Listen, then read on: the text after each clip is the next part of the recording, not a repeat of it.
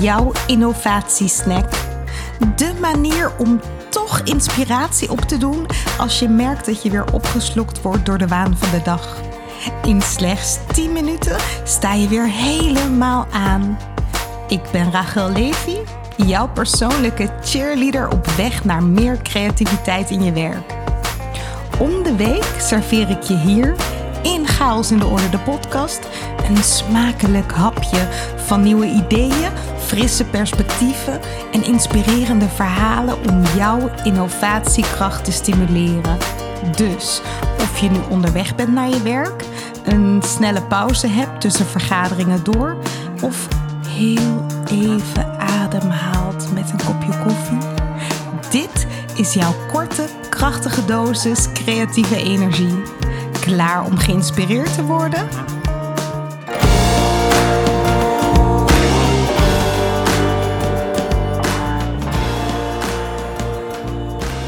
Het moment dat ik dit innovatiesnackje serveer, is het 24 november.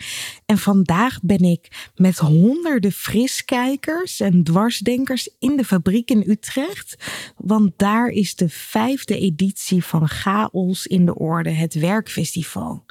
En ja, het kan niet anders dan dat dit een leuke dag is in mijn parallele realiteit op dit moment. Uh, we sturen de deelnemers op innovatie safari.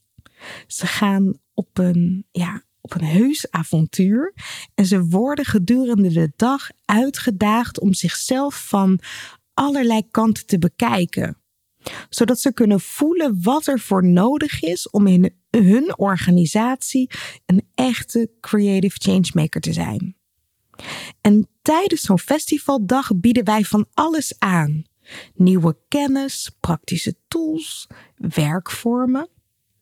Maar we gaan ook aan de slag met mindset. Misschien vooral met mindset. Want mindset is misschien wel de allerbelangrijkste factor uh, als jij zelf wil bijdragen aan meer creativiteit en innovatie. En dat is een mooi bruggetje naar deze aflevering. Uh, want ik wil met je kijken wat die juiste mindset voor innovatie nou precies is. Nou, onderzoek heeft uitgewezen dat de mindset van medewerkers een behoorlijke invloed heeft op hun creativiteit en op de bereidheid om nieuwe ideeën te verkennen. En mindset, voor de duidelijkheid, is dan de manier waarop je denkt. Carol Dweck, psycholoog, schreef een belangrijk artikel over dit onderwerp. Dat heet Mindset: The New Psychology of Success. En zij maakte het onderscheid tussen twee oriëntaties in mindset.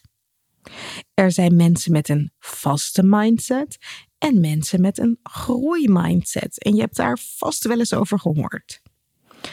In een vaste mindset geloven mensen dat hun intelligentie en hun vaardigheden vast liggen.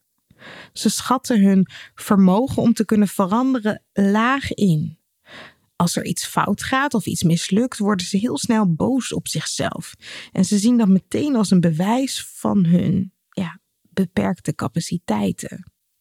Daarom vermijden ze vaak uitdagingen of verandering om hun zelfbeeld intact te houden, om niet te hoeven falen. Dat is een beschermingsmechanisme. Mensen met een groeimindset daarentegen geloven juist dat hun intelligentie en hun vaardigheden ontwikkelbaar zijn. Zij zijn juist niet bang om een inspanning te leveren en daarvan te leren. Zij zien uitdagingen als kansen. Kansen om te leren, om te groeien. En dat kan de innovatiecultuur natuurlijk versterken. Deze mensen zijn niet bezig met het vermijden van fouten, want ze vertrouwen erop dat ze zullen leren of het nou goed gaat of niet goed gaat. En Carol Dweck toonde aan dat individuen met een groeimindset niet alleen meer openstaan voor uitdagingen, maar dat ze ook veerkrachtiger zijn bij tegenslag. En daardoor over het algemeen meer bereid zijn om nieuwe dingen te proberen.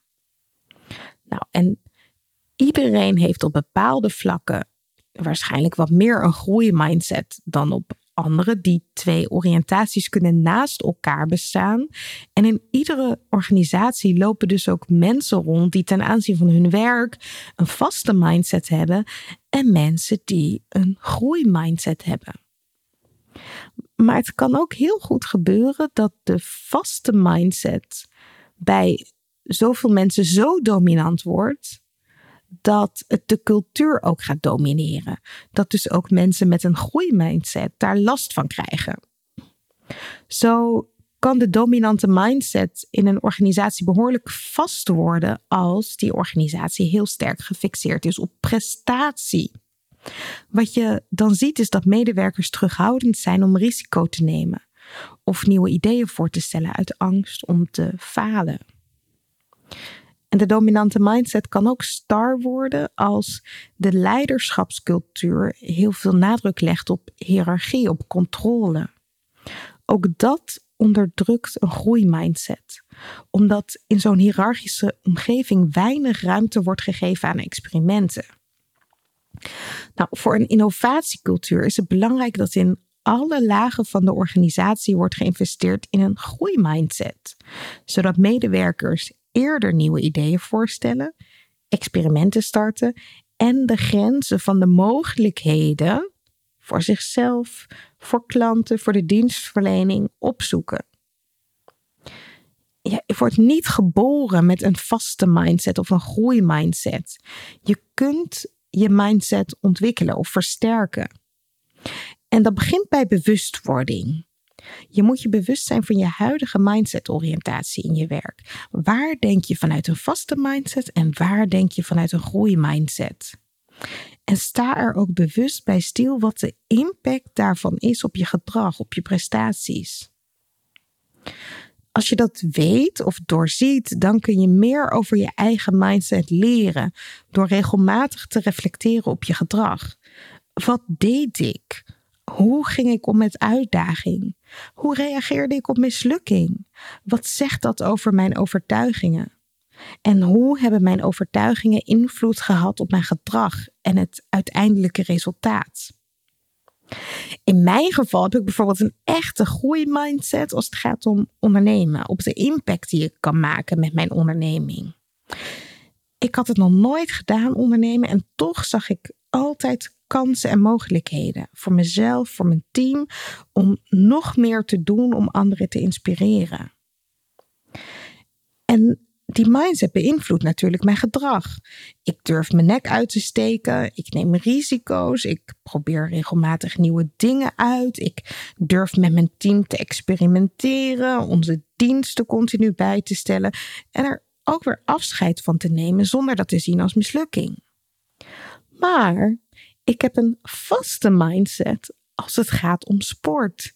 Ja, ik, ik zie mezelf niet als atleet. Ik, ik schat mijn kansen om succesvol te zijn als sporter heel laag in. Ik ben heel snel bang dat ik iets niet kan, dat ik eh, ja, gewoon motorisch niet goed genoeg ben.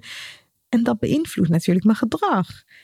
Ik ben vermijdend geworden. Ik ga niet graag naar de sportschool. Nou, als je nou in je werk tegen een vaste mindset bij jezelf oploopt, kun je doen uh, wat ik doe in de sportschool, namelijk vermijden. Of je kunt jezelf een nieuwe overtuiging aanleren.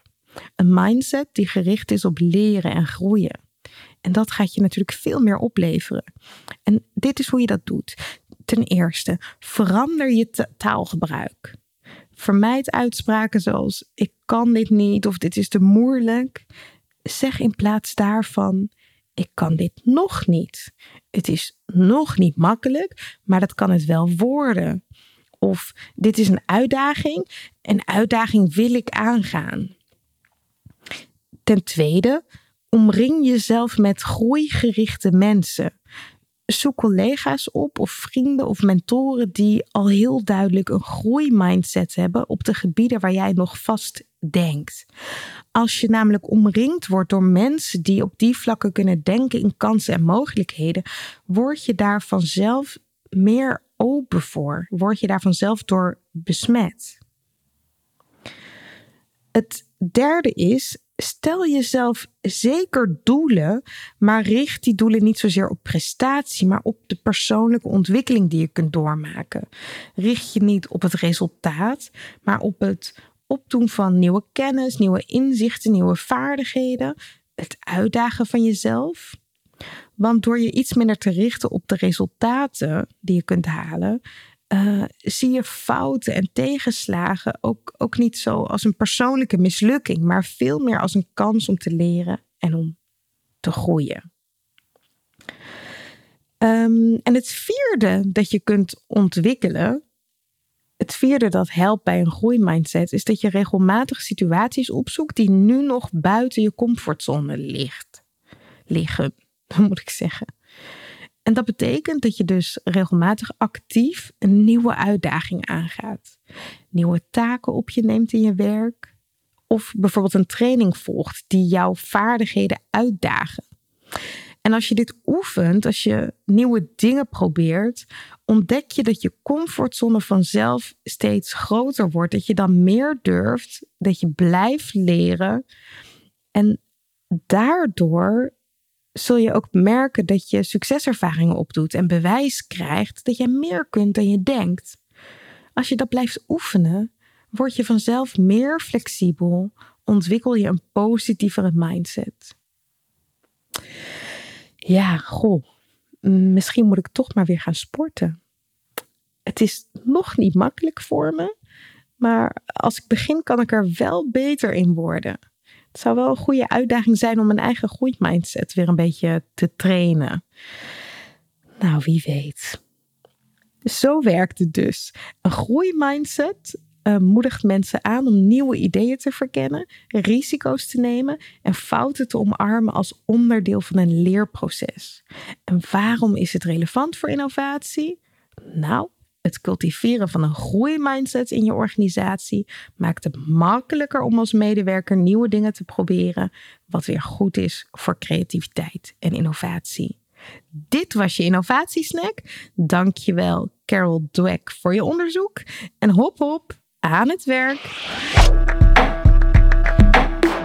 Creativiteit, innovatie. Het lijkt omgeven door een mysterieuze mist. Een geheim voor briljante breinen en getalenteerde kunstenaars. En toch, het moet toch voor iedereen toegankelijk zijn? Aflevering voor aflevering graaf ik steeds een stukje dieper. Ben jij enthousiast? Abonneer je dan op deze podcast en laat een review achter in de app waarmee je luistert. Hoe meer reviews we ontvangen, hoe meer mensen deze podcast kunnen vinden. Zo zorgen we samen voor meer chaos in de orde. Wil jij zelf chaos in de orde brengen? Download dan gratis het e-book Chaos. 10 manieren om patronen te doorbreken. Je vindt het op chaosindeorde.nl/slash podcast. Deze podcast wordt je aangeboden door Huis van Verbeelding, het bedrijf voor zakelijke creativiteit. Tot de volgende keer en veel chaos!